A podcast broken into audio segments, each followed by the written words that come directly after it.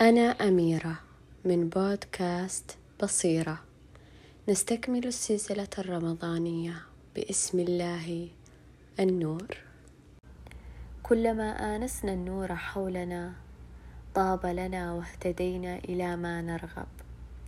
فمن أوصاف النور الضياء الذي نهتدي به السبيل.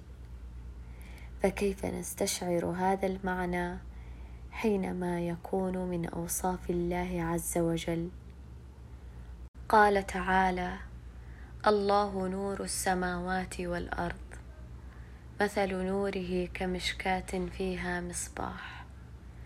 المصباح في زجاجة الزجاجة كأنها كوكب دري يوقد من شجرة مباركة زيتونة زيتونة لا شرقية ولا غربية.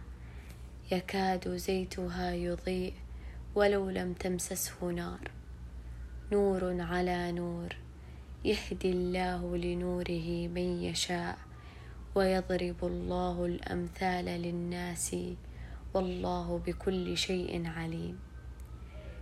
في هذه الآية توصيف عميق لمعنى النور. فالله العظيم نور السماوات والأرض. وهادي من فيهما. مثل نوره سبحانه في قلب المؤمن كفتحة في الحائط غير النافذة.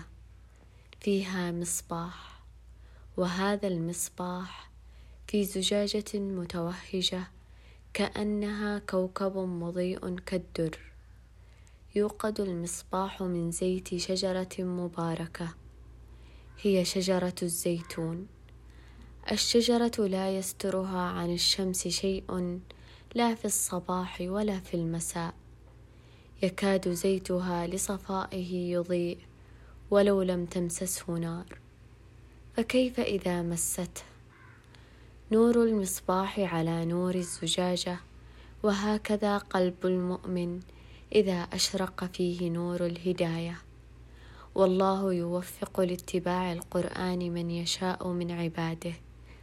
ويبين الله الأشياء بأشباهها بضربه للأمثال.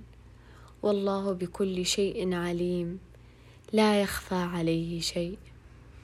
فكم نشعر بالامتنان لكل اللحظات التي أنار الله بها بصائرنا وعقولنا.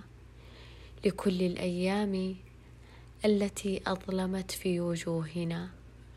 وأنارها بنوره سبحانه وتعالى.